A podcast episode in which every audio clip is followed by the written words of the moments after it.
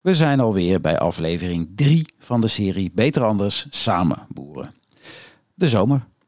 We volgen in deze serie vier seizoenen lang boer Ivar van Dorst, die een duurzaam boerenbedrijf runt, maar hij doet nog veel meer dan dat alleen. Ivar werkt aan een voedselketen die goed is voor de mens en die in harmonie met de natuur werkt. Mooi is dat hij aan niet alleen zijn eigen ervaringen deelt met scholieren en boeren, maar dat hij ook blijft luisteren naar wat anderen hem kunnen leren. Hij blijft openstaan voor andere meningen. We hebben het in deze serie dus niet alleen over beter boeren, maar ook over een betere voedselketen. En precies daarom heet deze serie Beter Anders Samen Boeren. Omdat de hele keten daar een rol in speelt. Van zaadleverancier tot winkel tot, ja, jij en ik. Ook wij spelen hier een rol in. Hoe? Daarover ga ik met hem in gesprek.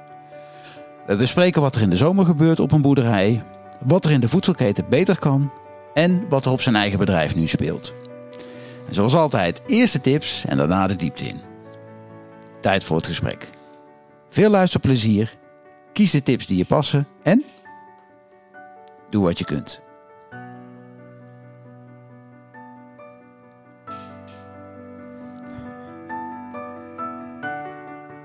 Zit hier te lachen? Ik heb hier pot, pot, Ja, maar heb je toch een lekker rustgevende stem, jongen? dat is echt heerlijk. En net zit Ja? hij ook al een beetje te praten, zeg maar, door die microfoon heen. En ik, ik, bedacht me al, eigenlijk moet ik altijd zo met jou praten. Het is eh, heerlijk zo. Nou, dat is een goed begin dit. Top, ja. Ik eh, eindig nu. Wat beter wordt het niet meer. Maar, dankjewel. Podcast afgelopen. Ja, ja.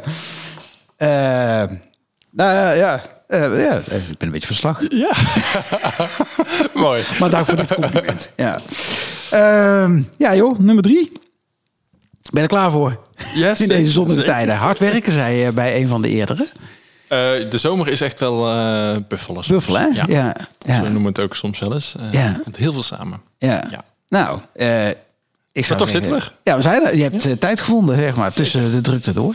Ehm, ja, we beginnen eigenlijk altijd met de tips. Meestal begin ik met de eerste vraag. Waarom ben jij degene die dit in een stroomversnelling brengt? Maar goed, dan gaan mensen maar naar de eerste eh, aflevering luisteren. Meteen meer eh, hits daar. Precies. Ehm, maar goed, omdat je het doet, is de korte samenvatting eh, in alles eh, beter anders boeren. Eh, en de intro zei er ook al genoeg over, hè? juist in het delen van, eh, van kennis met andere mensen. Ja. Toch? Ja. Dus ik zou zeggen, laten we naar de tips gaan. Super. Ja, Ja. Ehm, we hebben eh, eerder al even kort eh, op LinkedIn eh, wat contact met elkaar zitten hebben we deze week. ehm, over een, een, een leuke infographic eigenlijk die gedeeld werd. Ehm, ja. Eh, en dat gaat een beetje over de percentages zeg maar, van geldstromen waar ze uiteindelijk in die keten dus eh, belanden. Ja, dus dat de- is wel leuk om het dadelijk over te hebben. Dus dan wil ik het eigenlijk een beetje over de verborgen impact hebben. Zo noemen we het dan even. Ja. En dus gaan we nu even niet zoveel toelichten, want dan gaan we dadelijk gewoon even de diepte induiken. Maar de tip is dan? Ehm, ja, de verborgen impact eh, en, en dat, die, ehm, eh, dat elk euro die je uitgeeft, dat daar een verborgen impact achter zit, zeg maar. Dus jij denkt van ik geef hem uit aan een komkommer, maar daar zit eh, heel veel achter, zeg maar, wat er nodig is om die komkommer te produceren. Ja. Oké. Ehm, en er zit vaak een eh, impact achter die je dus niet direct bedenkt of ziet. Ja. Daar gaan we het straks even over hebben. Oké, dat is goed. Yes?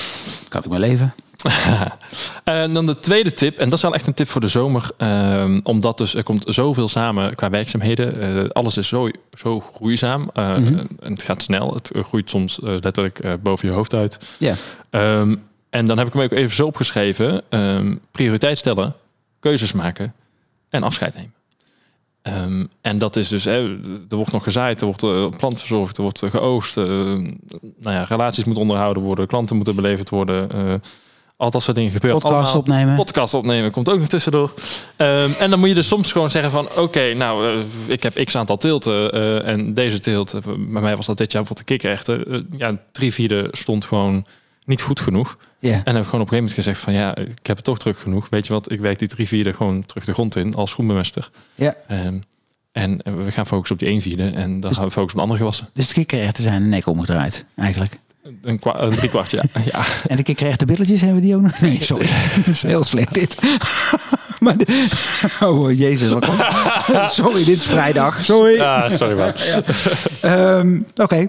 Maar, eh, want, want waarom is dat belangrijk om dat te doen? Om, juist om de, omdat je juist zo over eh, druk bent, zo over moet buffelen, dat je keuzes gaat Ja, maken. er komt eigenlijk altijd meer werk dan dat je in eerste instantie verwacht. En eh, oh, het, het, het gevaar zit erin dat je op een gegeven moment achter de feiten aan gaat lopen. Ja. Ehm, en als ik dan al zie ehm, dat bijvoorbeeld die drie vierde van de kikkererwten, ehm daar was misschien een 60, 70 procent opkomst. Dan zou je denken van, oh, maar dat is nog 60, 70 procent. Ja. Maar dat betekent wel dat er 30% meer ruimte is eigenlijk. Ehm, gaten die erin zijn gevallen of gewoon überhaupt meer ruimte. Oh ja. Waar dan onkruid in dergelijke kan groeien. Ja, dus zelfs als normaal gesproken met een beetje 90 tot 100% eh, opkomst... eh, is het veld op een gegeven moment gesloten. Dus Ja. hè, het bladerendek zorgt ervoor dat eigenlijk geen licht meer naar de bodem komt... dat nu onkruid kan groeien. Zou dat bij dit gewas dus wel de hele Ja. tijd onkruid Ja. terug gaan groeien. En dan Ja. blijf ik dus bezig met dat onkruid... terwijl dat ik eigenlijk straks heel druk ben met oogsten. Ja, dus het, het, het me- mes snijdt in dit geval eh, in negatieve zin aan twee kanten. Dus en je krijgt minder opbrengst, maar het gevolg is ook nog dat je veel meer onkruid weg te werken krijgt. Dus je bent nog nog harder aan het werken voor nog minder. Ja. Dus eigenlijk krijg je een verkeerd om eh, verhouding. Oké. En dus heb je de kikkererwten geofferd om de tijd die je daarmee wint aan anderen te kunnen besteden. En aan een podcast. En Uitermate dank je Dat is, wel. ook, dat is ook leuke dingen. Ook belangrijk. Ik snap gaat het over Ja. het delen en over leren. Dus, Ik ben ook helemaal gestopt met kikkererwten. Om die reden.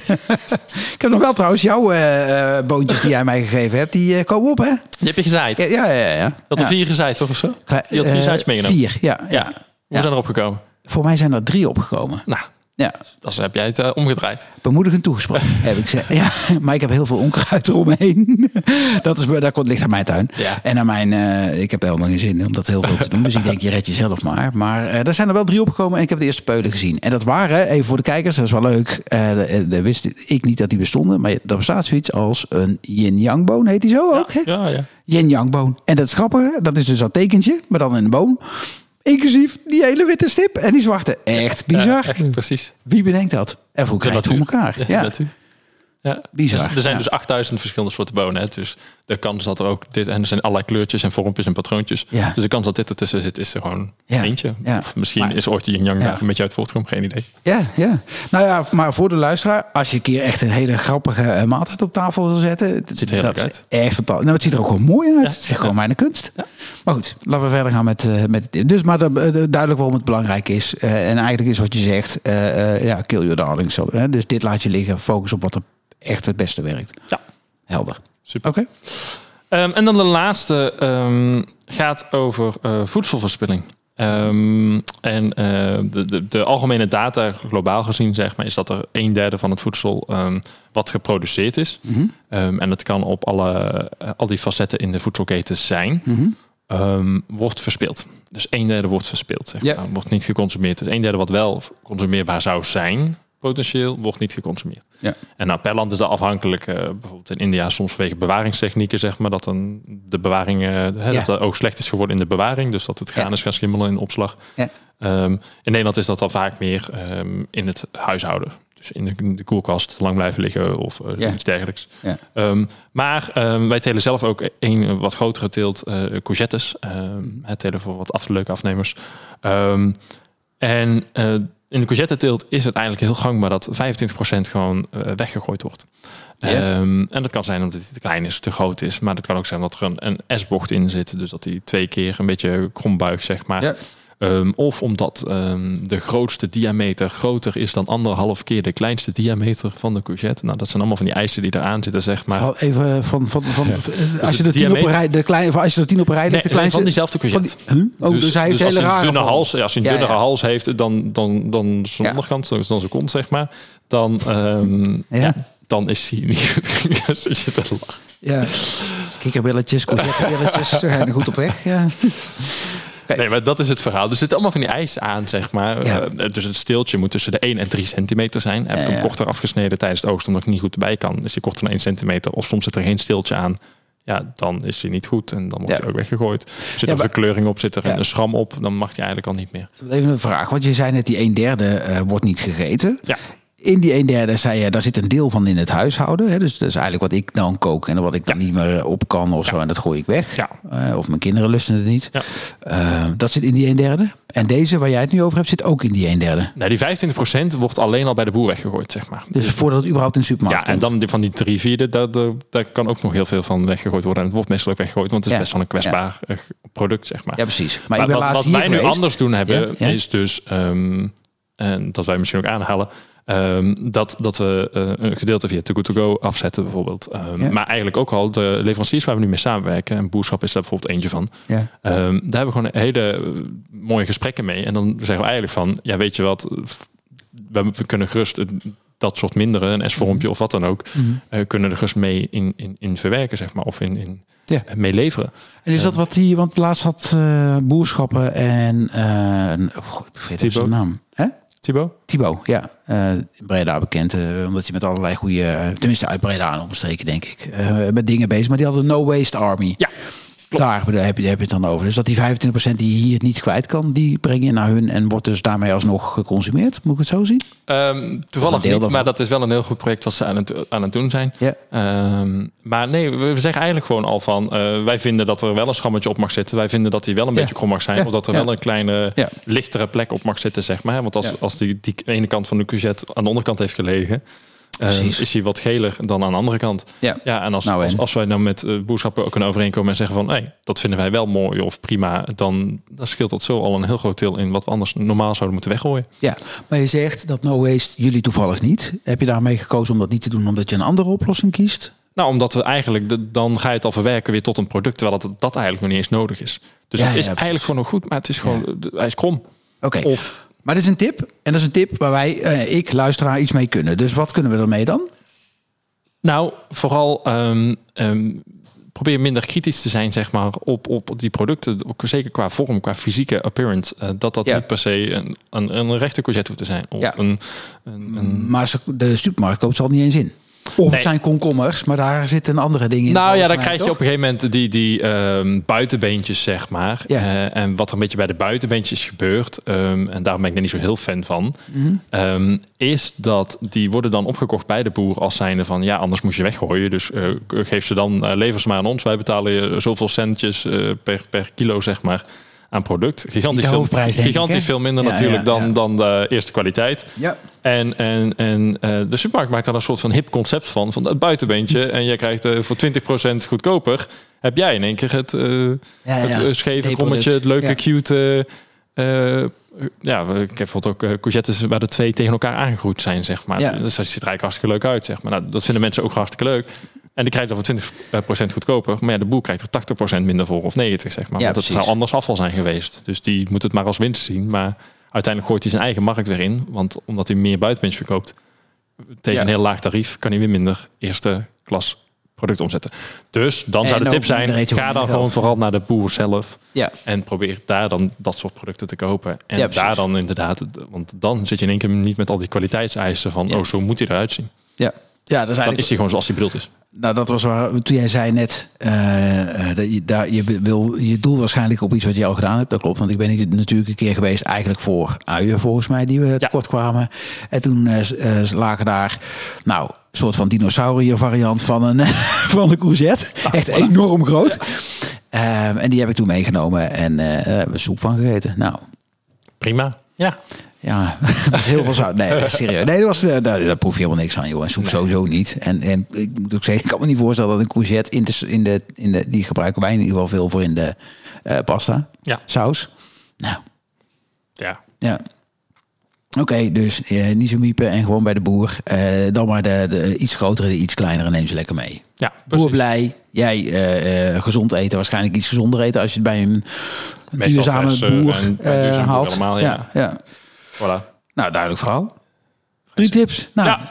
pijnlijke bevallingen altijd voor je, heb je me verteld. Dus, dus De formaliteit is afgehandeld. zo, hè, hè, eindelijk een gesprek. Nou, we het over hebben vandaag, eh, Ivar. Nee, de zomer hè, op de boerderij. Wat gebeurt er? Ja, nou dus heel veel. Ehm, Ja. en, en we zitten nu eind juli, zeg maar, dat we dit opnemen. Ehm, Half, ja, ja, ja. Ja, 21e. 21e. Ja. Ehm, normaal nam- namen we het op 21 juni. Dus we Ja, zijn een ja, maar maandje jij kon niet, hè? Ik, eh, ik was te druk, hè. Ehm, Maar dat is, dus, eh, dat is dus echt zo juni met name. En, en dat eh, moest ik uh, met Jannes, mijn compagnon, zeg maar, moesten elkaar soms even op wijzen. Zo van, ja, het is juni, zeg maar. Het kan gewoon even niet anders. Hè, want soms staat er allebei even doorheen. Ja. en dan keken we, waren gewoon bijna aan het aftellen aan het einde van juni. Zo van, het is bijna juli, dan kunnen we iets rustiger. Het is niet letterlijk zo natuurlijk. Um, maar wat er gebeurt is, um, dat is een seizoen waar je al best wel veel aan het oosten bent. Ja. Maar er zijn ook nog heel veel planten waar dat bladerdek dus nog niet gesloten is. Dus waar er nog steeds heel veel onkruid kan groeien. Want Oh, oké. het, het veld is nog niet, de planten zijn nog niet groot genoeg dat ze eigenlijk de strijd hebben gewonnen met alle competitie. Ja. En tegelijkertijd ben je ook nog aan het zaaien, aan het planten. eh, Of überhaupt allerlei andere dingen natuurlijk. eh, De Ja. afzetregelen en dergelijke. Daar heb ik even een vraag over. Want je zegt, je zegt je bent aan het aftellen dat het voorbij is. Maar de zomer is net begonnen. is nu een maand onderweg. Ja, Dus- de zomer is dan net begonnen. Eh, bedoel je dat je net aan het eind van de lente en begin van de zomer... dat ja, je daar dat, dat is juist eigenlijk die piek, ook- zeg maar. Ja, dus precies. echt, echt vroegzomer, eh, eind lente, dat Ja. is eigenlijk echt de piek. Want ja, je hebt de allerlangste dagen natuurlijk. Hè? Heb je dan. Ehm, dus alles kan ook langer groeien, alles groeit ook sneller. eh, maar je hebt niet meer tijd in de dag. Eh, Ja. En je moet het allemaal wel doen. En als dat dan samenkomt met tegelijkertijd ook nog het laatste lentewerk eigenlijk afwerken. Dus het zaaien en dergelijke. Hmm. En het, eh, het gewas verzorgen. Ehm voor zorgen dat het überhaupt groot genoeg wordt, zeg maar. Ehm, tegelijkertijd met dat je al die zomerdingen aan het doen bent van sommige gewassen die al helemaal aan het oosten zijn. En dat kost gewoon veel tijd, dat is arbeidsintensief. Ja. Ehm, is dat gewoon echt een drukke periode. Ja. Oké, en in hoeverre speelt dat nog mee dat jij voor strokenteelt hebt gekozen? Want dat maakt ook misschien wat minder efficiënt het, het, het rooiwerk wat je doet. Of het oogstwerk, ik weet niet hoe je het noemt. Eh, ligt eraan welk was. Oh. Maar de, Oké, dat inhalen. Ja. nee, dat, dat maakt eigenlijk eh, niks uit. Nee, ik kan ook niks bedenken waarin dat uit zou maken. Eh, eigenlijk werkt het, moeten wij ook nog wel zeggen, vaak fijner. Ehm, want eh, moet, ik, nou, moet ik jou met een schoffel op het land zetten? En jij staat op een, op een, een veld zo groot als eh tien voetbalhelden. Ja. En je moet bij plantje 1 beginnen. en jij ziet dat tien voetbalvelden grote veld met allemaal pompoenplantjes staan. Ja. En er staan er 17.000 eh, per hectare. Ehm, dan voelt het heel ontmoedigend. Ja, ja. Terwijl als we nu aan zo'n strook beginnen, daar staan acht rijtjes van pompoenen. Ja. En Dan, dan we zijn met z'n vier aan het eh, schoffelen. Dan zegt iedereen, nou, pak allemaal twee rijtjes. Werk naar achter. En je voelt, oh, we hebben een strookje gedaan. Laten we nog eentje terugpakken. Nou, dan lopen we nog eentje terug. En dan hebben we er twee gedaan. ja. ja. En dan voelt het van, oké, we hebben twee dingen gedaan. Top. ja. ja. Het is zichtbaarder. Dus het is zichtbaarder, Ja, het is fijner. Het is, Ja. het is eigenlijk al een soort van voorgesneden voor je of in, in porties verdeeld, zeg maar. Ja. Dus Ja. mentaal is dat eigenlijk altijd wel een leuk. Ja, ja, ja. een leuke Oké, maar even terug naar de, naar de zomer. Wat je geeft aan eh, eh, aan het eind van het voorjaar. Hè? Dus eigenlijk rond de 21ste dat de omslag, eh, tenminste zoals we het be- beschreven hebben, dan gaan we van de lente naar de zomer. Ja. Maar dan heb je echt een soort van hoos eh, eh, te gaan. Maar wat gebeurt er zoal? Hè? Dus eh, je moet eh, wieden, Ja, zaaien nog steeds. nog steeds wat saai. Oosten moet je nog steeds. Oosten. En, en dat is nu wel afgelopen. Hè? Dus de saai is nu, nu wel klaar, zeg maar. Na Oké. 10 juli. eh, sommige dingen misschien nog na 10 of tot 10 augustus. Dus echte wintergewassen. Mhm. Ehm, maar alles wat je, ehm, zeg maar, na, volgens mij is het officieel 7 augustus. Alles wat je na 7 augustus, zeg maar, één dag later plant, Mhm. is eigenlijk een week la- eh, eh, extra groei Ja. ehm, die die mist in het najaar. Dus één dag in de zomer staat eigenlijk gelijk aan één week in het Oh. latere najaar. Ja, ja. Dus snap je, Ik denk omdat Er de zon dan ook zoveel minder. eh, zoveel minder fel is, eh, Ja. de dag ligt, eh, of Ja. zo, zoveel kortere dagen. Dus wat hij nu in één dag aan, inderdaad aan zonlicht, aan, aan lichtintensiteit op kan nemen, aan warmte, Mhm. ehm, is straks een week, zeg maar. Dus als je dat even in perspectief stopt, Ja. dan, dan scheelt dat enorm. Ja. En daarom hebben we een soort van deadline eigenlijk om alles de grond in te krijgen wat je nog de grond in moet hebben, ja, precies. voordat je ook nog wil, wil je het ook nog kunnen oosten. zeg. Ja. Dus dan is de deadline eigenlijk vooral de oogst die je nog kunt halen. En dat, Ja. dat heeft nog zin tot 7 eh, augustus voor sommigen, maar voor de meeste eh, Al eerder, zeg maar. al Courgettes is het al kan ik nou niet meer zaaien, zeg maar. Oké. Dan is het al te laat. Ja, oké. Helder. Dus er zit, er, zit, ja, er zit gewoon heel veel planning ook in. Dus dat is leuk. Ja, Ehm, nou ja, ik, ik, ik, ik heb al gehad dat ik ook soms eh, afscheid moet nemen van planten. Hè? Dus dat, dat is eh, Ja. kikkerrecht of, of iets dergelijks. Of, ehm, eh, ik heb ook een aantal gewassen ook gewoon niet gezaaid. Ehm, omdat ze... ehm kamille bijvoorbeeld wilde ik zaaien eh, voor de thee. Eh, en dat is een heel fijn zaadje. En dat groeit in het begin heel traag. En normaal gesproken is het een onkruid natuurlijk. Dus dan wil iedereen er vanaf. Maar als je het wilt telen, dan is het dus blijkbaar best wel moeilijk om het te telen. Eh, want ik heb het eerder al geteeld. En het groeit dan heel langzaam. Dus je moet eigenlijk heel voorzichtig het onkruid eromheen weghalen. Want het groeit veel langzamer dan het andere onkruid eromheen. Ehm, is ook bewerkelijk dan. Het is ook bewerkelijk wat Mhm. dat betreft. En op een gegeven moment zeg je van, ik heb, ik heb het te druk. Weet je wat, ik, ik zei het niet. En dat is jammer, want onze Camille thee loopt altijd heel goed. En die is ook uitverkocht. Eh, dus dan moet ik toch maar zeggen, ja, helaas. Ja. Zeg maar, nu niet. In ieder geval niet van onze eigen akkers. Ja. Eh, misschien dat ik hem nog bij een andere boer kan eh, scoren. Ja, en jouw thee, want dat doe je samen met Wilderland. Wilderland. Ja, precies. Want die kwam ik laatst, heb ik een foto gestuurd dat ik onder, dat ik ergens, ik weet niet meer waar, maar ik zat ergens thee te drinken. Toen kreeg ik Wilderland. Ik denk, hé, hey, grappig. Ja, ja. en had je een, eh, de Feeling Fris blend. En daar zitten zeg maar drie van onze kruiden zitten in die blend van Ja. hun. Ja, Dat is een bedrijf uit Amsterdam. En die wil dus biodiversiteit herstellen door eh, producten voor te maken. Eigenlijk een markt voor te creëren. Zodanig dat, eh, dat boeren dan die biodiversiteit ook kunnen herzaaien. ah, oh, dat, dat snijdt, dan snijdt ook daar het mes aan twee Ja. kanten. Ja, ja. Ja. slim. Oké. Hm. Ja, weet ik het heeft vier. Ook Wilderland thee. Ja, zeker. zeker. Ja. Nee, maar koop, Ja. koop dus, eh, dat is eigenlijk die verborgen impact. En dan kunnen we mooi dat bruggetje Oh ja, maken. ja, Dat is die verborgen impact die ook positief uit kan slaan. Dus ehm, koop jij zo'n theetje, ehm, dan heeft dat een heel ander effect ehm, dan een heel ander theetje. Dus koop je zo'n kruidentheetje wat uit Nederland is eh, gekomen, dan nou, je hebt de transportkosten al niet. Ehm, Je hebt eventueel de, eh, de- de thee is toevallig een, een zeer onderbetaalde sector wereldwijd, zeg maar. Ja. Eh, waar heel veel ongelijkheid in voorkomt. Ehm, dat heb je in Nederland ook niet zomaar, zeg maar.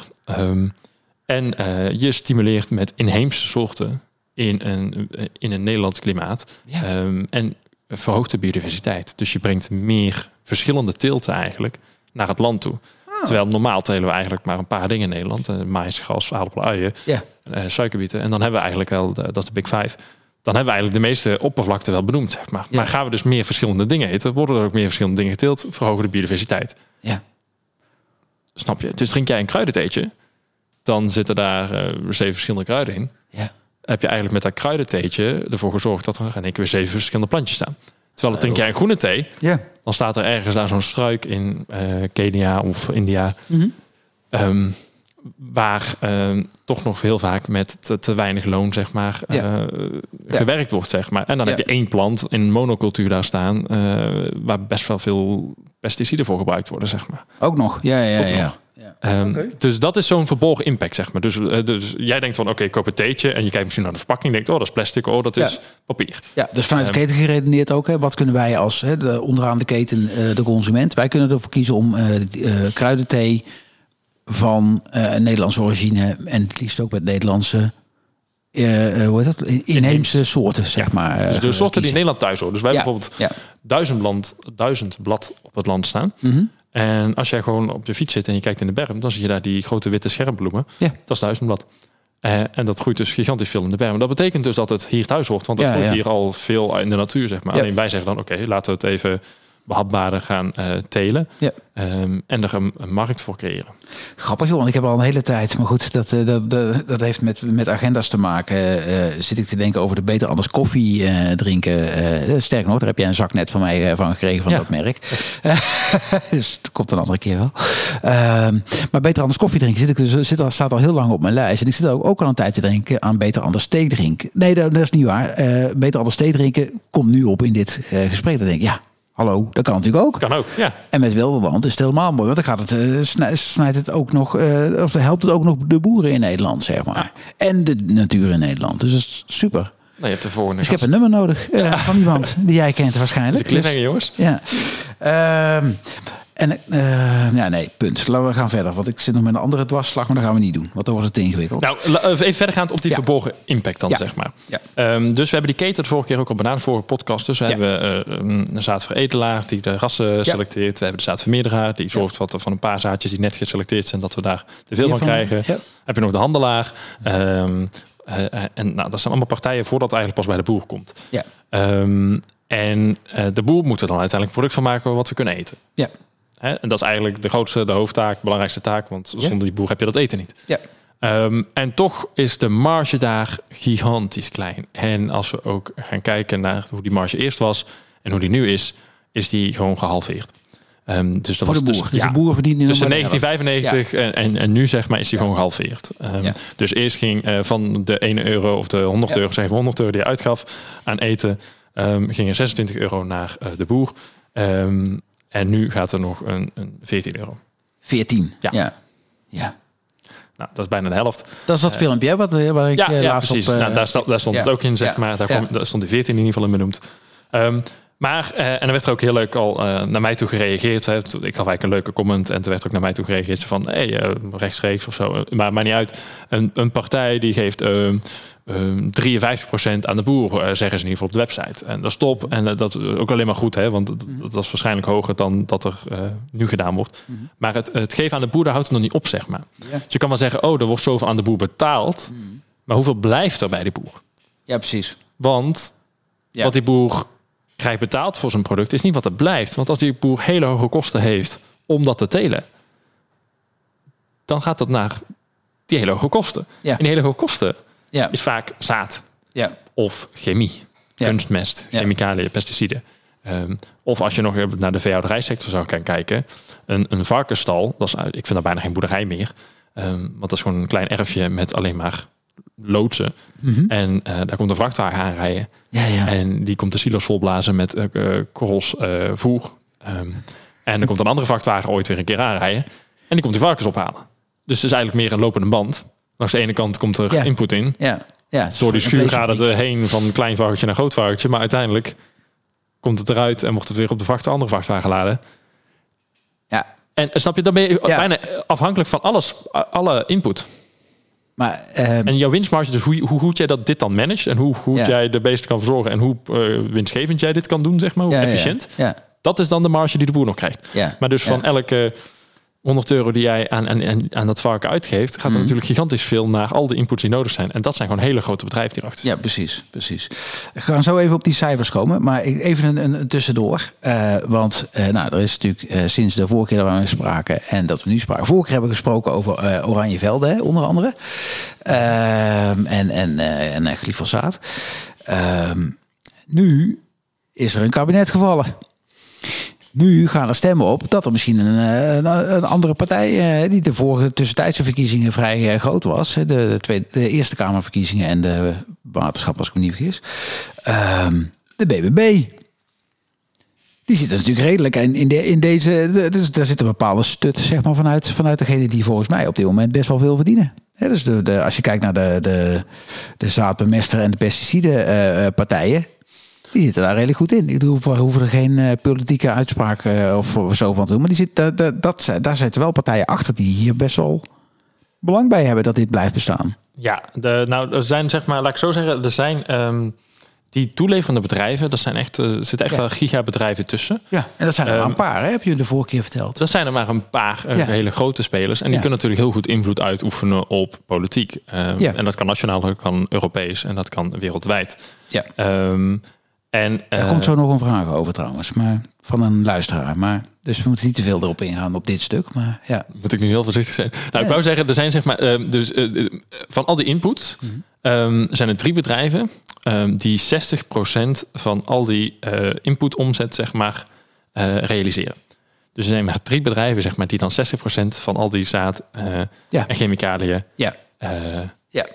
ja, verwezenlijken. En dat is eh, DuPont Doe, eh, Bayer Monsanto en Chem China Syngenta. Syngenta. Eh, dat zijn die drie bedrijven. En die werken wereldwijd. En die werken wereldwijd. Oké. En die doen dus 60%. Dus snap je? En dat, dat, dat is dan even, dat is wereldwijd. Dus daar Ja. zit inderdaad nog een, een, een agrifirm voor farmers, wat je in eh, de. Ja, waar zit die dan? Zitten die bij dezelfde hoek? Nee, die zitten daar naar buiten. Dat is echt alleen, dit is echt Nederland, zeg maar. Ja, ja. Dus alleen deze bedrijven, dat zijn echt de, de grote zaadchemiebedrijven, zeg maar. Ja, ja, ja. En. Nederland is vooral heel groot, de, de, de veevoederindustrie. eh, want dat zijn echt, eh, ja, Nederland is heel groot in vee. Ja, ja. dus Oké. nou ja, Ah. dat hoort erbij. Maar goed, Monsanto, ik bedoel, uiteindelijk de meeste zaden die, die geteeld worden, komen dan uiteindelijk toch wel van een van deze bedrijven Ja. af. En eh, zeker qua eh, pesticiden en dergelijke komt er gewoon heel veel van. Of Monsanto of DuPont. Ja. Of Syngenta. Ja, dat zijn de drie grote, hè? Die. Ja, dat zijn echt de drie hele grote. Even terug naar, de, naar dat filmpje waar we het over hadden. Hè? Dus dat, eh, dat, dat onderzoek waar je over begon vanuit eh, eh, let op je verborgen impact Oh, ja. van Oxfam inderdaad.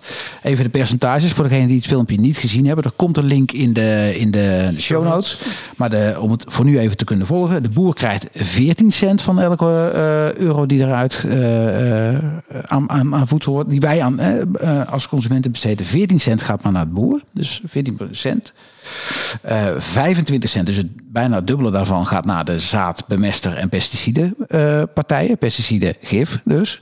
Eh 8 cent naar handelaren. Dan weet ik niet, zijn die handelaren, zijn dat de handelaren in zaad of zijn weet je dat? Of, of weet je dat ook niet? Nee, dat is de tussenhandel. Dus dat is na de boer. Na de boer. Oké. Dus dat is 8 cent, daar gaat dus ook niet zo heel veel op. Dan vij- 23 cent naar de voedselproducenten en de merken. Dus naar de, naar de Nestlé en dat soort eh, partijen, denk ik. Ja. En let op, 30%, dus de grootverdiener, is de kruidenier.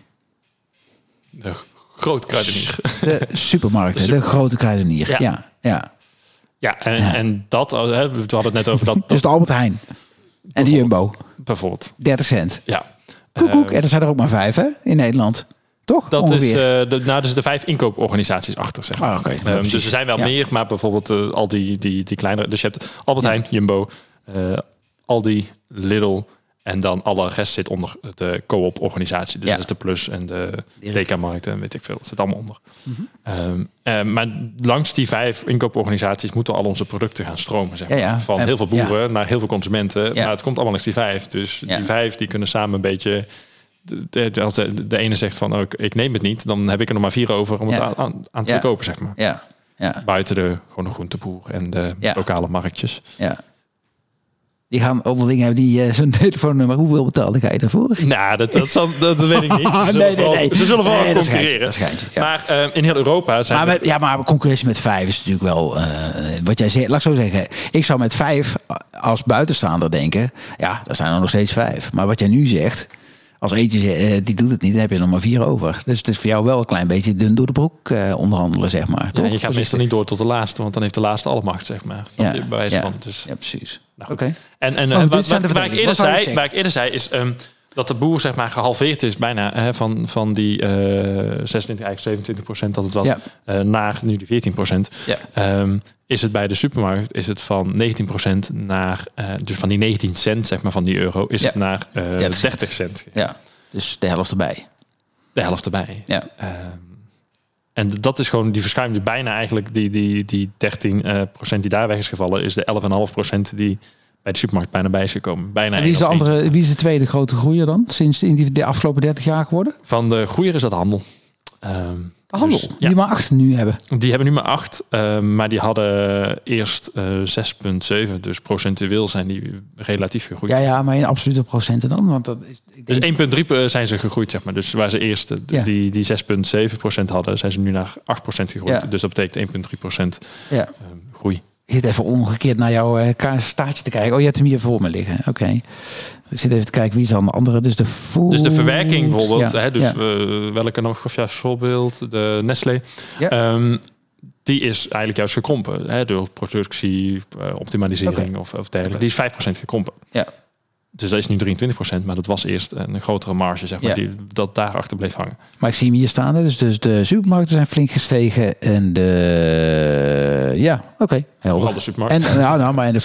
Oh ja, nee, precies. Ja, ja, oké. Helder. En de grootste daler is dus weer de boer.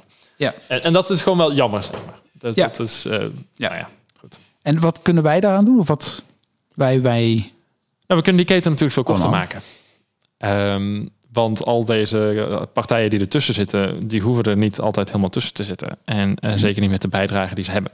Ehm, dus kun je zeggen van ga het lokaal bij de boer kopen. Of ga bij een lokale organisatie, eh, zoals rechtstreeks, zoals boerschappen, zoals wat heb je allemaal zeg maar. Ja, ja. Ehm, sluit daarbij aan. Of herenboeren, eh, dat je echt nog zelf meer betrokken bent. Dat kan ook nog. Ja. Eh, of ja, we hebben zelf ook zo'n groentepakket abonnement, zeg maar. Precies, dat was mijn volgende. Want dat, het heet dan in de termen CSA. Dus dat vind ik altijd een beetje ingewikkeld. Dan denk je, supported ja, precies. Maar weet je, de simpelheid is gewoon, koop het gewoon Ja. bij de boer. En dat kan dus zijn in, in de winkel als de boer een winkel heeft. Dat heb jij, eh, dat- tenminste, dat ben je nu aan Sinds het klaarmaken.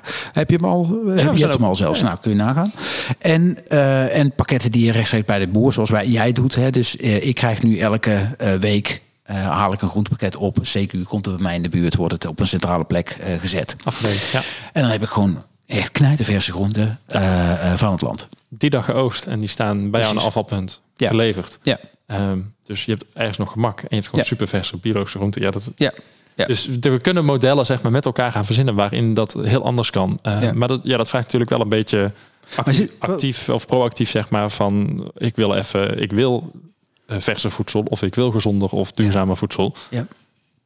Ik moet even op zoek gaan of ik moet even er iets voor doen, zeg maar. Ik moet even inlezen, want dat is anders dan met een mandje ergens naartoe gaan. En dat kan inderdaad wel naar een boerderijwinkel. Ja. Eh, Nou, wat ik merk wel, en dat, ik weet niet of het aan eh, Breda ligt toevallig, hè, waar ik woon. eh, dat, dat- ik, ik zie op heel veel plekken boerderijwinkels. Hè, bij mij in, in de, in, in, in de, tegen de wijk aan twee eh, die, die flink bezig zijn en steeds groter worden.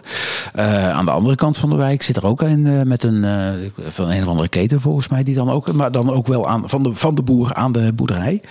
Ja. Dus ik zie overal, ik zie het vrij veel gebeuren voor mijn gevoel. Ja, maar dat, dat is juist goed, zeg maar. Dat is Ja. leuk. Want dan, Nee, dan, zie je dus op het platteland, zie je dus van die kleine ehm, nou ja, familiebedrijven die eigenlijk gewoon in één keer wel een boterham kunnen verdienen Mhm. met wat ze doen. En wat we nu de hele tijd zien is, ehm zeker bijvoorbeeld in de veehouderij, de, heel veel veehouderijen zijn of gigantisch groot, of ze hebben er een zorgboerderij bij. Of eh, Ja. een melktap, of een ijsboerderij, of een, Ja. eh, Ja. een, een kinderdagopvang. Er moet er naast de tak ongeveer opgezet worden om eigenlijk nog maar boer te kunnen zijn. En wat dan natuurlijk voor zorgt, is dat die, die tak daarnaast, dat die eigenlijk vooral het inkomen genereert en dat eigenlijk dat soort van de boerderij in leven kan houden. Maar daardoor wordt het voedsel dus nog goedkoper, wordt het nog eh, ja, Ja, dan, meer uitgeput, zeg Ja, maar. En, ja. en wordt, is, het voedsel, is de voedselprijs laag ja. Door het feit dat je een kinderboerderij hebt, of dat je een, een zorgboerderij hebt, of een, of een kinderdagverblijf. Ja. Dus eigenlijk dan de subsidie die je ontvangt voor het eh, voor de kinderdagverblijf, Ja. zorgt er dan voor dat de melk goedkoop blijft, zeg maar. Ja, dus de kinderopvang zorgt ervoor dat, dat, dat, dat, jammer. ja. Dus dat houdt zeg maar die, die dit houdt het spiraal houdt dat in de stand, zeg maar, dat het Ja. nog goedkoper, want het kan het kan goedkoper. En wat wij eraan kunnen doen is dus rechtstreeks bij de boer gaan halen. Ja. Maar dat kan voor vlees weer lastiger, denk ik. Want er meestal zit er geen slachterij bij de boer. Nee, oké, maar dat is wel naar een. We hebben hier een lokale slager zitten op eh, twee kilometer afstand hier in een bos. Ehm, en daar brengen wij ons varken naartoe. Ja. En eh, we halen het eh, twee dagen later weer terug op Ja. in portie. ja, precies. Maar jij bent geen vleesboer. Geen veeteelt. Nee, oké, in mijn. Ja. nee, precies. Ja. Ehm, Oké. Nog andere dingen die wij eraan kunnen doen aan die verborgen impact? Ehm, nee, ja, dus probeer meer die transparantie. eh, maar dat vraagt dus een beetje proactiviteit door, dus door te gaan zoeken van oké, wat zit er dus achter? En je zal het nooit 100% weten natuurlijk, want Hmm. eh, ik bedoel, ik ben eh, boer, eh, maar heel veel zaad vermeerder ik dus zelf, wat we voor podcast ook over hadden. Eh, maar er zijn nog steeds een paar paar groentezaden die ik wel gewoon koop. En daar zit dus wel een bedrijf achter. En dan ehm, vaak is dat bedrijf dan toch alweer overgenomen door een heel groot bedrijf. En Mhm. uiteindelijk zit er dan een, een investeringsmaatschappij achter. En ja, uiteindelijk weet je nog niet waar het. Dus zelfs al doe je heel erg je best, zal het nog altijd niet helemaal goed zijn. En dat is voor Ja. ons, voor mij als boer zijn, is dat al. Voor jou als consument zijn, is dat net zo goed. Ja, lastig. Eh, ja. En dat is, gewoon- blijft gewoon lastig. Mhm. Eh, maar als de intentie gewoon al goed is en je bent al een beetje zoekende, ja. eh, dan kun je al heel veel stappen maken. Ja, maar je zegt eigenlijk wat je zegt is: eh, kijk naar de mogelijkheden om de keten te verkorten. Ja. En laten we wel wezen, als we met heel veel als iedereen dat met een klein aantal eh, een aandeel van zijn, van zijn boodschappen doet, is de impact heel groot. Ja. Hè, want vaak zie je nog wel dat er fout gemaakt wordt. Ik moet het dan in één keer perfect doen en dan moet overal alles lokaal. Ja, dan moet ik alles overal rondje. Dat hoeft niet. Maar dan nee, maar één, haal gewoon je één trekt jezelf binnenste buiten. En, en weet je, bij iedereen een beetje is nog altijd veel meer dan een paar heel veel.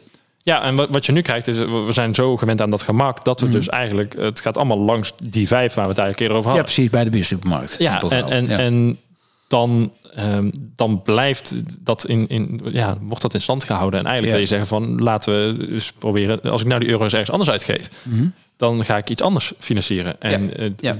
toevallig wilde die boer eh, het ook nog duurzaam doen, of wil die boer het extra lokaal doen. Ja. Eh, dus die werkt vooral weer met andere lokale partners. Dus op die manier ga je, die 1 euro ehm, rolt niet één keer naar die lokale eh, boer, maar die rolt daarna ook eens nog eens naar een eh, lokale buurmanboer die Ja, hem, helpt. Of, Ja. eh, Ja. of een lokale of, of een duurzame leverancier of een biologische zaadleverancier eh, van zaadvaste zaden in plaats Ja. van Syngenta. Ehm, ik had er een vraag over, zei ik, van iemand. Eh, Een vraag van een, eh, van een luisteraar. En daar komt hij. Hij heet Michael. Goedemorgen Ivar. Ik stel dat de invloed van Big Food op de wereldpolitiek vanwege haar financiële slagkracht enorm is. Er is een beweging aan het ontstaan van regeneratieve boeren- en burgerparticipaties, zoals Herenboeren en Lenteland. Hoe krijgt de regeneratieve beweging haar geluid snel en goed gehoord in de politieke arena? Groet, Michael Vermunt. Wauw. Ehm, ja, hele goeie. Ehm, ik moet even goed concentreren om het ook allemaal te, te luisteren. Had het zo goed eh bewoord. Ja. Ehm, maar dat is vooral ook door krachten te bundelen weer. Mhm. Ehm, en ik zit bijvoorbeeld ook aangesloten bij Caring Farmers. Oh, oké. Ehm, en dat is een organisatie waar we eigenlijk gewoon een soort van een paar regels op hebben gezet die eigenlijk gewoon heel simpel zijn. Bijvoorbeeld het houtkalfje bij de koe, zeg maar. Mhm. Ja. Eh, zoals de natuur bedoeld is. Ja. Ehm, en door dat soort paar simpele regels eh, een beetje eraan te stellen en dan te zeggen, ik eh, wil daarbij horen, ik wil samenwerken om, om die stem groter te maken. Ja. Sta je natuurlijk sterker. En in het begin leek dat allemaal klein en, en misschien moeilijk te realiseren. Maar uiteindelijk eh, zit zo'n Caring Farmers, eh, zo'n organisatie, zit gewoon best wel bij heel veel ehm, tafels aan ehm, eh, mee in gesprek, zeg maar. Oké. Dus toen met Johan Remkes, die toen de stikstof moest gaan uitlossen. Daar zat bij. Daar zat Caring Farmers dus wel Oh. gewoon aan tafel. Of Oh, tijdens een talkshow een keer. Dus op die manier eh, verenig je als heel veel kleine boertjes. Mhm. En want dat zijn het vaak wel, die duurzame boeren of bioboeren. Die hebben altijd al een vaak kleiner areaal of, of dergelijke. Mhm. Ehm, dan is het moeilijk om je stem ook eh, gehoord te hebben. En inderdaad wat invloed uit te oefenen. Ehm, eh, en gaat het alles helpen? Nee, want laat ik zo zeggen. ehm, die gigabedrijven die we net benoemden, bijvoorbeeld die drie bedrijven die al 60% hebben. Nou, er zijn nog heel veel andere hele grote bedrijven, eh, be- in de beurs genoteerd of anders van de quote 500 in Nederland bijvoorbeeld. Ehm, die hebben natuurlijk, eh, die kunnen er gewoon voltijds mensen voor aannemen om te lobbyen. Ja. En eh, nou ja, ik samen met mijn collega Duurzaam Boer, wij kunnen niet iemand voltijds in dienst nemen om te zeggen, Nee. ga voor ons lobbyen, zeg maar. Ga het eh, duurzamer eh, beleid, ga minder pesticiden en meer bio of bijvoorbeeld. Dat is wel interessant, want ik heb, ehm, nou ja, d- daar de afgelopen dagen eens over na zitten denken. Hè. Je hebt, je, dit, dit, ik snap van de ene kant dat je, eh, dit krijg je niet recht. Hè. Dus, dus waar de mil- miljarden zitten of de miljoenen zitten, maakt niet uit. Om een lobbyist fulltime aan de slag te krijgen. En de, eh, die middelen zijn er bij de Caring Farmers eventjes en andere partijen minder. Dus, dus daar zit je eigenlijk al op een, een achterstand. Ergens zou je dus ook, als we dan toch in een situatie zitten waarin we een nieuwe regering gaan krijgen, zou het heel erg pleiten voor partijen eh, of voor de politiek om eh, te zeggen: we gaan de lobby, net zoals je net zei van je eh, verborgen impact, we gaan de lobby om, eh, omgekeerd maken. Hè, zoals je in de Formule 1 hebt, de, de rijke teams mogen minder tijd in de windtunnel spenderen. De, de, nu dominante, meer fossiele partijen, die hebben minder lobbytijd dan de partijen die meer een, een duurzame toekomst voorstaan. Ja, ja. Dan draai je hem om, hè? Klinkt natuurlijk heel goed. De vraag is hoe uitvoerbaar is het? Want je hebt niet per se een, een, een lobbytijd, zeg maar, of een, een, een, een lobbyuurtje, zeg maar. Dus als jij als politieke eh, ehm, leider hebt niet per se van, oh, ik heb nou weer een lobbyuurtje, lobbyisten, kom maar. En degene met de grootste mond mag het langste praten. Nee, dit is natuurlijk gewoon tussen de regels door of met een beetje een, een lunchje uitnodigen, zeg maar. En degene die dit uh, chic hotel of het lunch Ja, ja. betaalt, eh, die krijgt misschien net iets meer eh, naar voren geschoven, zeg maar. Dus dat blijft natuurlijk het lastige wereldje van lobbyen. Maar ik vind het idee in ieder geval... eh, Nou, laat ik zo zeggen. Ik, eh, de, de, de gedachte kwam eigenlijk op toen ik mezelf de vraag stelde. Goh, hè, hoe zou je, zou je dat kunnen doen? Stel nu dat ik, ik heb helemaal geen ambitie om politiek in te gaan. Ja. Totaal niet. nou, Eh, zou je toch passen? hè? Zou je toch passen? Zou leuk zijn. Het zou mij, nee, het zou mij niet passen volgens mij. Maar, eh, maar ik zou dit wel toepassen. Dit. Als ik daar zou zitten, zou ik wel denken, allemaal leuk en aardig. Maar voor mij is het heel simpel. Wie krijgt de spreektijd bij mij? Degene die, eh, die de, de, de, de, de nieuwe weg aan het verkennen is. En dat het niet foutloos is, is, is evident. Want we zijn allemaal aan het zoeken. Hè? Maar één ding weten we zeker. Rechtdoor vol gas op de weg waarop we nu zitten. Nou, kijk naar het weer. Dat, gaat niet, eh, dat blijft niet goed gaan. Ja, maar dus dan heb jij iets, een probleem vastgesteld. En dan ben jij ook nog heel goed in luisteren en dat terugfilteren naar wat is het probleem of wat, wat zijn mogelijke oplossingen. En dan ga je daar iets uit ehm, beoordelen, zeg maar, of, of een oordeel Ja. uithalen en daar iets mee doen. Ja. Ehm, maar dat is nu niet echt hoe het helemaal gaat. Dus eh, natuurlijk is nu degene die het grootst roept of het meeste financiële ehm, invloed heeft in de economie, die hebben een grote stem en worden gehoord. Of de opinie van de maatschappij, van de burgers. Dus het gevoel eigenlijk een beetje. Nou, wat, en in wat de praktijk vaak degene, dat deel, smal deel, letterlijk eh, bewust gekozen dit woord, smal deel van de bevolking, dat het hardst roept. Ja. Hè, want ik eh, ben een deel van mijn tijd ben ik met bewonersinitiatieven bezig. Dus daar, daar eh, haal ik mijn inkomen op dit moment voor een deel uit. Eh, en daar zie je vaak dat er dan heel hard geroepen wordt door een klein groepje. En de rest die denkt, nou, ik ga hier nu even niet zeggen wat ik denk. Want anders dan fileert hij mij, hè, woordelijk of letterlijk. Dus dan gaat degene die wat minderlijker zit, zeg maar, die houdt zijn mond dicht. En die gaan aan de rand dan wel via de mail of via de... Ja, ik wil er toch nog even op terugkomen. En dan blijkt het allemaal heel veel genuanceerder te zitten. Daar zit ook nog wel een stukje, hè? Ja. Ook in, in, de, in, de, in de verborgen impact. De mensen, is dus weet je, ook als je dan niet de barricade op gaat, zet dan in ieder geval je euro aan. Eh, breng die naar de kassa van de, van de minderlijkere weg. Een beetje het Pokon-principe. Dus geef Pokon aan de plantjes die je wilt dat groeit. En stop met Pokon en water geven aan de plantjes die waarvan ja, ik denk, nou, daar moeten we misschien maar eens mee stoppen. Ja, maar precies dat is dus eh, inderdaad wat ook in de politiek gebeurt. En, en als je bijvoorbeeld kijkt naar ehm, hoeveel aandacht er nu bijvoorbeeld gegeven wordt aan eh, sommige politieke partijen, omdat ze gewoon even eh, een hype zijn, zeg maar misschien. Ja, terwijl dat ze eigenlijk maar heel weinig zetels hebben, dan zou je bijna zeggen: oké, geef dat dus minder aandacht. Want hoe meer aandacht jij het geeft als, als journalist of als media, ja. hoe harder je het ook laat groeien, zeg maar. En, Ik ga toch een, een beetje een linkervraag stellen. oei. Omdat, gewoon dat ik er niet benieuwd naar ben. En als je hem niet wil beantwoorden, zeg je gewoon ik wil hem niet beantwoorden. Dat is ook een prima antwoord. Mijn vraag is, ehm, de, de BBB, de Boerburgerbeweging. Ehm, ik heb me nog niet in hun programma verdiept, hè, want dat ga ik wel doen op weg naar de verkiezingen, maar nu nog niet. Maar waar ik benieuwd naar ben is, hoe groot is hun draagvlak als je kijkt naar de boeren, zeg maar, is dat eigenlijk, hebben ze een heel groot draagvlak onder de boeren? Of, hebben ze eigenlijk, of valt dat eigenlijk wel mee? Want jij zit meer in de, in de, in de boerenkringen. En misschien wel iets te veel aan de caring farmers. Waar, ik denk dat die er gemiddeld gewoon niet zo eh, mee bezig zijn. Maar, of niet zo voor zijn voor BBB. Kun je daar iets over zeggen? Of, of heb je daar eigenlijk weinig... Nou, ik heb daar natuurlijk van. ook niet helemaal in verdiept. Ehm, ik kan me inderdaad wel voorstellen, en dat geluid hoor ik wel vaker onder de duurzamere boeren, dat die er iets minder ehm, ehm, per se baat bij hebben. Ehm, zodanig omdat eh, de- meeste eh, bijvoorbeeld stikstofuitstoot is toch echt met eh, intensieve veehouderij bijvoorbeeld. Ja, Eh, ja, dat, dat, dat, dat zijn niet de duurzame boeren, dus ze zitten niet aangesloten bij een Caring Farmers ja. eh, zo'n organisatie. Ehm, en ehm, dat zijn ehm, uiteindelijk de, de, de- waarschijnlijk de boeren die juist ehm, een beetje met emotie, zeg maar, vol zaten. Mhm. En dus die het Malieveld opgingen. En, Ja, ja. die eh, bijvoorbeeld eh, juist eh, van die grote borden van BBB dus in een, in eigen veld gingen zetten aan de kant van de snelweg. Ehm, dat zijn natuurlijk de boeren die eh, ehm, heel erg bang zijn voor een g- grotere bedrijven. ehm, die helemaal gebouwd zijn op dat model eh, wat destijds eigenlijk een beetje gevoed is door de banken en de overheid. Mhm. eh, als zijn de focus op efficiëntie, efficiëntie, efficiëntie. ja. ja.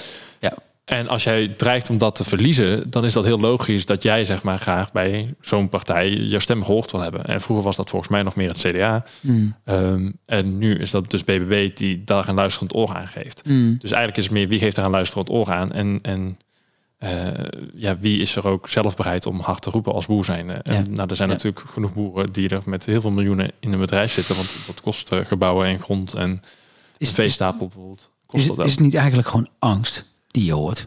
Ja, tuurlijk. Een beetje, beetje, beetje Je wilt er niet kwijtraken waar jij Nee, zeg maar, nee, nee. generatie op generatie hebt opgebouwd. Nee, nee, maar dat zou nog kunnen zijn. Ik wil blijven boeren. Maar daar zit ook natuurlijk een hele financiële kant in. Hè? Met, met grote leningen, met grote betalingen, met voorgeschreven: dit moet je doen, want dan krijg je die lening. Er zit, heel, er zit ook een soort van. Een soort, je bent in een tunnel uh, uh, verzeild geraakt. Waarvan we nu constateren dat is een, niet, niet, de, de, niet de tunnel die de toekomst uh, dient. We moeten andere tunnels hebben. Maar dat geld en die leningen, dat zit in het bouwen. Die zitten bij de persoon. Nou, en, en, en die tunnel heeft geen licht aan het einde, zeg maar. Um, dat dus bedoel ik. We, we, focussen nu heel erg op um, wat er niet goed is en dat we minder vee nodig hebben. Ja. Um, en ik zeg bewust minder vee, want we hebben helemaal niet minder boeren nodig. Um, maar dat, daar wordt geen aandacht op gelegd. Dus het feit wat die boeren anders moeten doen, is een perspectief, dat wordt niet gegeven. Precies. Um, en je wilt eigenlijk. Daar zit het hem, hè, volgens mij. Maar dat het perspectief um, je, moet, je moet vooral perspectief bieden. En ja. dat is gewoon, het is eigenlijk een gigantisch slechte marketingstunt. De, die fataal uh, fout is gelopen vanuit de politiek, zeg maar. Dus ja. ze hadden dit zoveel anders moeten brengen, het bericht alleen al. En dan had je het al heel anders gehad. Dus als jij gewoon tegen ja. boeren zou zeggen van... hé, hey, uh, we zitten ergens met een stikstofprobleem. Um, er komt gewoon heel veel stikstofuitstoot vrij in de agrarische sector. Ja. Daar moeten we iets mee. Dus we hebben bedacht, we gaan meer inzetten op de teelt van uh, granen, uh, pulvruchten, plantaardige eiwitten.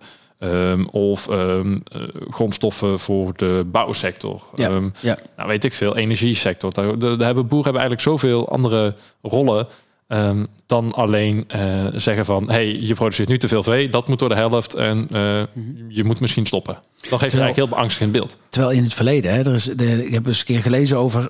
als ik het goed heb, een uh, Mansveld... een oude minister van Landbouw... -hmm. Die heeft destijds, hè, toen moest er ook wat veranderd worden. Nou, ja. dat is waarschijnlijk de eerste kiem geweest... van wat uiteindelijk nu... nou, deze kant op ontspoord is. Maar die, zijn boodschap was heel duidelijk... Uh, samen aan de overkant. Iedereen naar de overkant. Iedereen in de toekomst. Juist dat lichtperspectief. Ja. Het ligt aan het eind van de ja. tunnel. Ja. Ik weet niet wie dit was of uh, wie dit zei. Maar... Mansveld, volgens mij. Ja, ja ik kom, kom bekend voor. Maar of hij dit ook zei, dat weet ik niet. Ja. Um, maar dat is wat je wilt. Ja. Uh, je wilt perspectief. En waar het probleem zit, zit ook de oplossing. hey, vertel. Um, want waar van. heel veel um, uitgestoten wordt, um, kan net zo goed ook heel veel vastgelegd worden. Um, bijvoorbeeld heb je um, de, de, de peatlands in het Engels. Um, De? Veengronden. Ja? Die, uh, die bevatten gigantisch Ja, veel koolstof. Ja. En uh, gaat dat waterpeil, wordt dat te laag, Mhm. dan gaat heel veel van die koolstof oxideren, gaat het de lucht in. Ja. Dus zo'n veld, ondanks dat je het niet ziet, want het ziet er gewoon uit als groen weiland, uh, met veel verslootjes ernaast, kan gigantisch veel CO2 de lucht inbrengen. Maar het kan ook tegelijkertijd de oplossing zijn. Want elke keer als jij het gras afmaait, als boer zijnde of als, als koe, dus zelfs de koe kan nog de oplossing zijn. Mhm. Um, elke keer als je dat gras afmaait aan de bovenkant, dan sterft er aan de onderkant van die grasmat, dat gesloten grasmat, zeg maar, dus eigenlijk wat die grond eigenlijk de deksel van de, van de Mhm. bodem, um, sterven daar de kleine wortelhaartjes af, zeg maar. En die kleine wortelhaartjes, die zijn ook opgebouwd uit koolstof. Mhm. En die koolstof blijft dan daar in die grond zitten. En dat bouwt dus over heel veel jaren heen, bouwt dat uiteindelijk zo'n veenlaag op. Ja, ja. Um, dus alleen al gas zou de oplossing kunnen zijn. Maar we kunnen het ook als probleem zien, zeg maar. Nou, dan kun je met die koe hetzelfde doen. Je kan hem ook op een hele andere manier inzetten.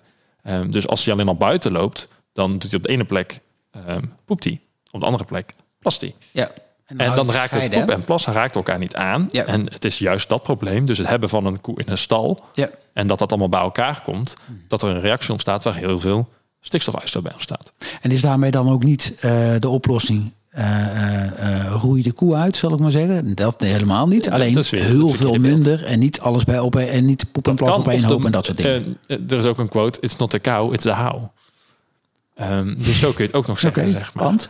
Je kan ook zeggen van oké, als we nu stellen van oké, in een stal heeft hij dus, omdat die poep en plas bij elkaar komt, Hmm. ehm, krijg je veel meer van die stikstofuitstoot. Dus laten we zo dat die poep en plas op een of andere manier gescheiden is. Nou, als hij dan buiten rondloopt, op de ene plek valt poep, op de andere plek valt plas, plas trekt gelijk eh, de grond in, daar kan een plant al gelijk weer van groeien. Ehm, dus het heeft geen tijd om um, uit te lekken of wat dan ook. Ehm, want wat je nu doet, is het komt bij elkaar. Het blijft dan in de put lang bij elkaar zitten. Daar kan het gewoon vergassen, zeg maar. Dus daar kan het gewoon nog vrijkomen. En dan zeggen we één, twee of drie keer in het jaar gaan we, er, uh, gaan we dat oppompen en gaan we dat injecteren in de grond. Ja. Um, En bij dat injecteren breng je dus in één keer veel eigenlijk aan. Terwijl, dat, eh, terwijl als de koe buiten loopt, ja, die doet elke dag van het jaar gefaseerd. Ja, ja. eh, ja, ja, ja. Die spaart het ook geen eh 100 dagen op voordat hij één keer Is het een beetje als, als wat je bij ganzen ziet, dat je in één keer zoveel voedsel erin, of, of bij kippen, dat je er zoveel voedsel in pompt, dat het eigenlijk een soort van plofgas wordt. Ah, er zit eigenlijk wat Ik foie gras denken. Maar ja, precies ja, ja. ook. Ja. Ehm, Ja, die wilde ik even mijden, maar ja, hetzelfde, dat is hetzelfde principe. Er wordt ook zoveel ingeknald dat die lever bijna ontploft. Bij foie gras. Ja, nou, dan is het inderdaad eh, uit balans. En, en dan, dan, maar dus het is de, manier waarop is dan al één. Kijk, tuurlijk is, kan ik dan, eh, dan zou ik bijna zeggen van oké, laat alle koeien dan het hele jaar rond buiten lopen. Nou, dat kan niet, want dan hebben we inderdaad te veel koeien in Nederland om ze allemaal. eh, Ja, maar die moeten sowieso al minderen. dus daarom moeten we inderdaad Ja. uiteindelijk wel minderen. Ja. Maar dan is niet de basis. We moeten minderen en eh laat ze dan maar buiten lopen. Maar het is eigenlijk andersom. Zeg van oké, hoe wordt stikstof veroorzaakt? Oké, ze zouden dus als ze buiten zouden lopen, zou dat minder zijn. Mhm. Ja. Ehm, maar we hebben nu te veel om buiten te laten lopen. Ja. Ehm, dus we moeten iets verzinnen. Het is een balansding dus. Nou, precies. En eh, er is zoveel draagkracht van de bodem en van het, het oppervlakte wat we in Nederland hebben. Voor wat we, eh, hoeveel koeien daarop kunnen dragen. Ja. En dat dachten we dat we er meer konden dragen. Maar dat is vooral omdat we bijvoorbeeld voedsel of, of voeding of veevoer importeren. Dus dat zijn die Ja. vrachtwagens die aankomen rijden. Ja. En het, die brokjes komen rijden. Oké. Goed, we hebben het gehad over eh, de keten. We hebben het gehad over de boer. We hebben het nog niet zo over de verwerkende industrie gehad, volgens mij, waar we nog even naar gingen kijken. Doen we dat nu of schuiven we die door naar de volgende? Ja, die mag ook nog wel door naar de volgende. Want ehm, de meeste oosten vinden toch wel plaats einde zomer of begin eh, herfst nog zelfs. Ja. Ehm, dus laten we die in de herfsteditie eh, benoemen. Hebben we in één keer zomaar spontaan een cliffhanger. Top. mooi, mooi. Oké, dus nou ja, dan zijn we redelijk door, dit, door deze onderwerp heen, denk ik, of niet?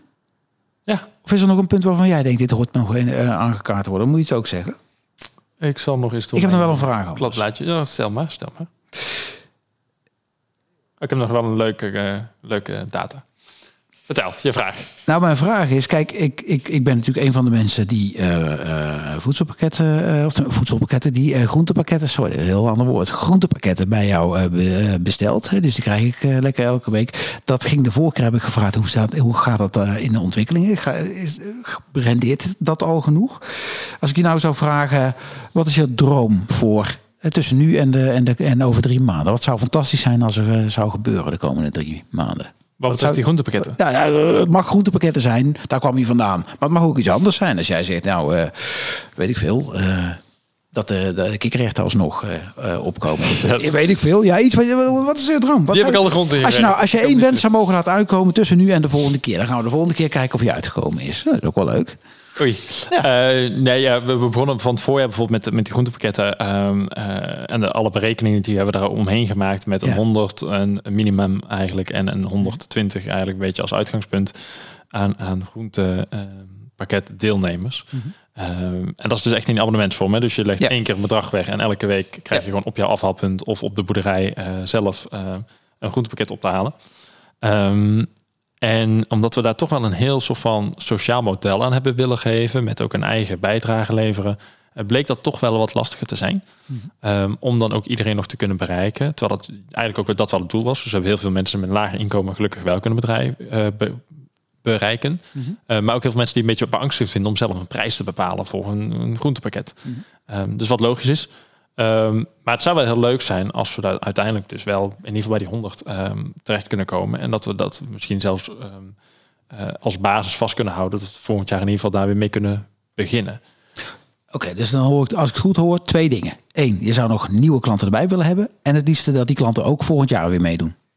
Toch? Ja, de duurzaamheid ervan. Ja. De duurzaamheid ervan. Ja, ja, Dus maar duurzaamheid niet in de zin van eh, lekker groen, maar in dat het lang dat het lang door met elkaar gaan. blijft En- en- ja, werken. precies. Dus dat ik volgend jaar klant ben, simpel gezegd. En alle anderen die het op dit moment zijn.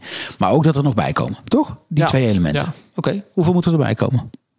Ehm, Ik ben Maria Capelle, je mag nu alles vragen. Eh, de- de- eigenlijk niet zo. Nou, we zijn, we zijn nu bezig met een project eh, waarbij we een aantal ehm, vooruitstrevende bedrijven eh, eh, bij ons terecht zijn gekomen en we nu nog een aantal extra van die bedrijven zoeken. Mhm. Ehm, dus dat is eigenlijk ook nog een wens. Ehm, want we hebben met een organisatie, Stichting Quiet in Breda. Hij wordt nu te ingewikkeld. Hoe- Wat is je wensen? Eh, nou, er zijn zeg maar eh, 33 gezinnen die zich hebben gemeld... die Ja. heel hard een steun kunnen gebruiken... door dus wekelijks zo'n groentepakket te ontvangen. Mhm. Ehm, en dan zijn de, dus Quiet is zo'n organisatie die zich hard maakt voor stille armoede. Ja. Ehm, en voor die 33 pakketten hebben we nu... eh, vandaag staat de teller op een 26 pakketten. Mhm. Dus eigenlijk hebben we nog maar een paar nodig. eh, en dat zijn er zeven. En die hoop ik dan ingevuld te hebben zodanig dat we die drie, 33 gezinnen die het echt het allerhardst nodig hebben... En die krijgen de rest van het jaar die dan, krijgen dan het rest van het jaar gewoon groente. groenten waar ze dus gezond mee kunnen gaan koken. En Zeven wat ze hopelijk kunnen helpen om uit die eh, stille armoede te komen. Zeven Dus nu gezinnen. nog zinnen, zeven gezinnen. En daar is ook een sponsor voor een bedrijf die zegt van... hé, hey, ik wil daar wel, Dat ga ik doen. ja, ik wil daar wel sponsoren. Ik wil daar wel steunen. Oké. En zo hebben we nu eh, vier bedrijven die dat al willen en dat is geweldig. En hoeveel... En, hoeveel eh, En als die er dan en- bij zitten, dan, Dan ben je er al. Nou, dan zijn we eigenlijk al heel ver. Eh, dan hebben we volgens mij nog zeven plekken over of zo voor de laatste honderd. Dus hebben we daar ook nog zeven nodig. Dus- Dus, twee keer zeven. Twee keer zeven. Dat is ook een mooi heilig getal, hè? Dus Maria is tevreden. We gaan afronden. Ik heb... eh, oh nee, wou jij dat percentage doen? Je had nog iets van een Nou, cijfertje? nee, nee, ja, kijk, ehm, wat wel heel interessant is eh, om ook bij stil te staan en dat ehm, perspectief te hebben. En dat sluit net aan weer bij, eh, eh, bij wat voor boer ben je, zeg maar, en, en wat is dus je rol binnen, binnen het debat. Mhm. Ehm, het meeste voedsel wordt wereldwijd wordt nu nog steeds geproduceerd door de kleine boertjes. En zeker in heel veel landen er zijn nog heel veel kleine boertjes. Mhm. Een paar koffieplanten hebben staan, een paar cacaobomen. Nou, dat is de koffie die wij drinken, zeg maar. Die komt eigenlijk allemaal nog van die kleine boertjes, met name. Ehm, dus die produceren nog meer dan 50% van het voedsel. Ehm, maar er zijn 1% van alle die boerderijen, ehm, die hebben wel ehm, meer dan 50 hectare grond. Ehm, maar al die ene procent Mhm. van die boerderijen, die heeft wel 65% van alle agrarische grond in bezit. Dus 1% van alle boerderijen op de wereld Ja. heeft 65% van de boerderijen of van, van het land. Dus je, eigenlijk wat je in, in, in geld wel eens hoort, 1% van de bevolking heeft een, een heel groot deel van de, van, de, van de welvaart. Dat geldt binnen boeren ook. Simpel gesteld. Ja, wereldwijd, ja. Ja. Dus echt, echt En hoeveel veel. daarvan zit in Nederland? Ook veel. Waarschijnlijk wel veel. Ehm, groter dan 50. Ja, dat, die statistieken kunnen ook even opzoeken. Heb ik nu niet zo Oké. paraat. Maar van waar, want je wil er iets mee zeggen. Nou, Wat is de boodschap? dat ehm, ehm, die, die, die 99% van die boerderijen die dus hier dus niet onder valt, die dus niet die 65% Ja. eh, van de grond bezit, die hoor je niet per se hard roepen. ja. Maar wel die 1%. Ja. Want die zitten zwaar in gefinancierd natuurlijk. Ja, ja, ja, ja. En dat, oh, is, zo. dat, dat is logisch. En we willen natuurlijk met z'n allen minder gaan Maar dat- werken in de agrarische sector, want Ja. het is zwaar werk. Ja. Ehm, maar de aanval die we nu bijna plegen op boeren is voornamelijk de grotere boeren. En die hebben dus al heel veel ehm, Ja. nou ja, land onder zich. Dus een heel kapitaal eh, wat ze dreigen kwijt te raken. En dan Ja. dreig je iets kwijt te raken wat je al hebt. Dus eigenlijk is de herrie die je hoort, komt wat meer waarschijnlijk van die ene procent van de boeren, terwijl die 99% wel wil. Ja, en nou eigenlijk, als we dan nog correcter willen maken... Doe maar. Ik ehm, hou van correct. Eh, dan ehm, is het, je hoort hem van die 1%. Mhm. Ehm, maar je hoort hem uiteindelijk van alle toeleverende bedrijven naar die 1%. Ja. En dus dat is die Is toch nog een Chemie- antwoord op een chemie- eerdere vraag. Ja. chemiebedrijf Ja. of zaadbedrijf Ja. eh, of veevoederbedrijf. Ja. Dus eigenlijk alle inputs die nodig zijn om een stuk vee of een plant groot te brengen, die gebruikt eigenlijk die grote boeren die er heel erg in vastzitten, in dat model dat op is gebouwd van input naar product produceren naar supermarkt. Ja.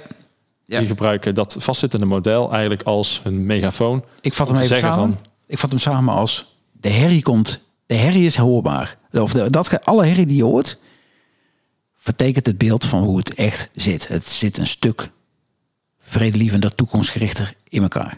Ja. Er zijn heel veel mensen met heel veel mooie dingen bezig. Precies. En daar Dat is een moeten we hele mooie, hoopvolle, dat is een mooie, hoopvolle boodschap. Daar mogen we de aandacht op leggen. Dat is een mooie brug. Dan gaan we nog naar drie andere mooie, mo- eh, hoopvolle boodschappen. Aan jou, want ik heb er toch weer drie gevonden, jongen.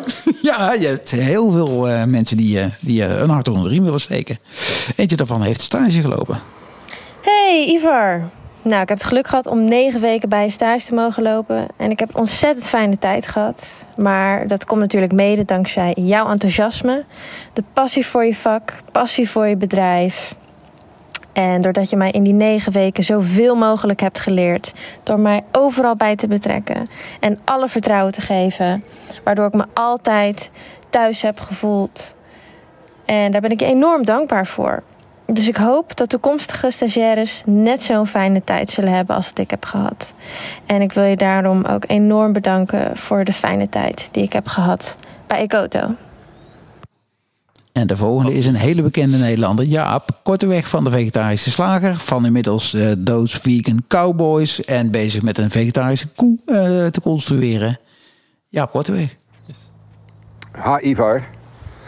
Afgelopen zomer ben ik bij je op bezoek geweest. En uh, je woont bij mij om de hoek. Ik had, uh, ik had over je gehoord. En uh, nou ja, dat was geweldig om te zien wat je daar doet.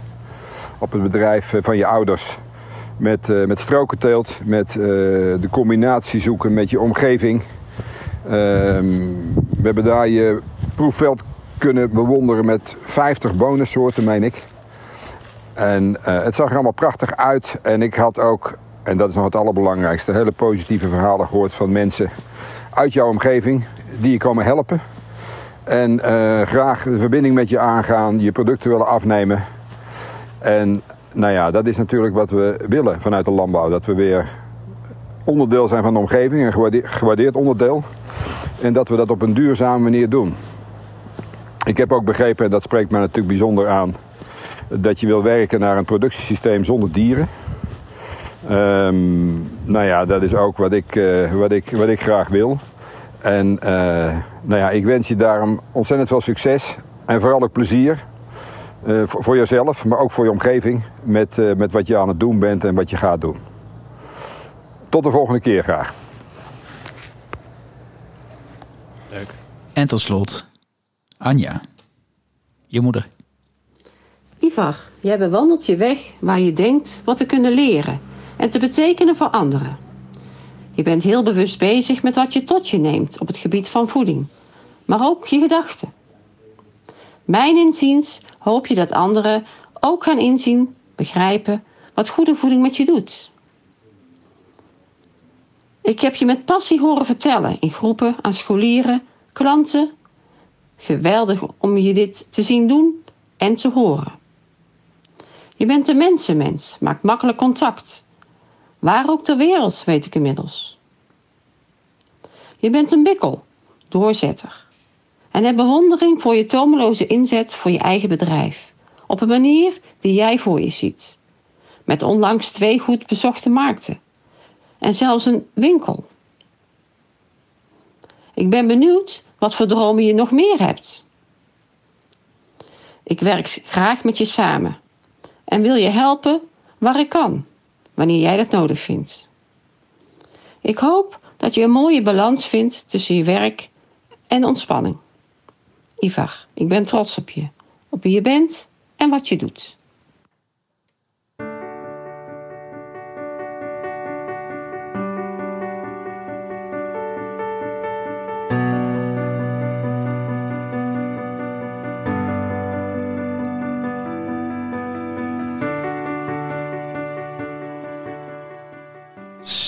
En daarmee zit de zomer er alweer op. Althans, de aflevering zomer van deze serie. Uh, de zomer zelf gaat nog wel even door. Uh, luisteraar, mocht jij nog een vraag hebben die je graag aan Ivor zou willen voorleggen... Uh, of heb je een vraag aan mij, stuur dan een mail naar ludo.beteranders.nl. Dan zorg ik dat die vraag beantwoord wordt. en mocht je nog iemand weten die je graag over een ander onderwerp bij mij aan tafel ziet verschijnen... stuur ook dan een mail naar ludo.beteranders.nl. Dan rest me weinig anders dan je een hele mooie uh, verdere dag uh, te wensen. En uh, tot de volgende keer.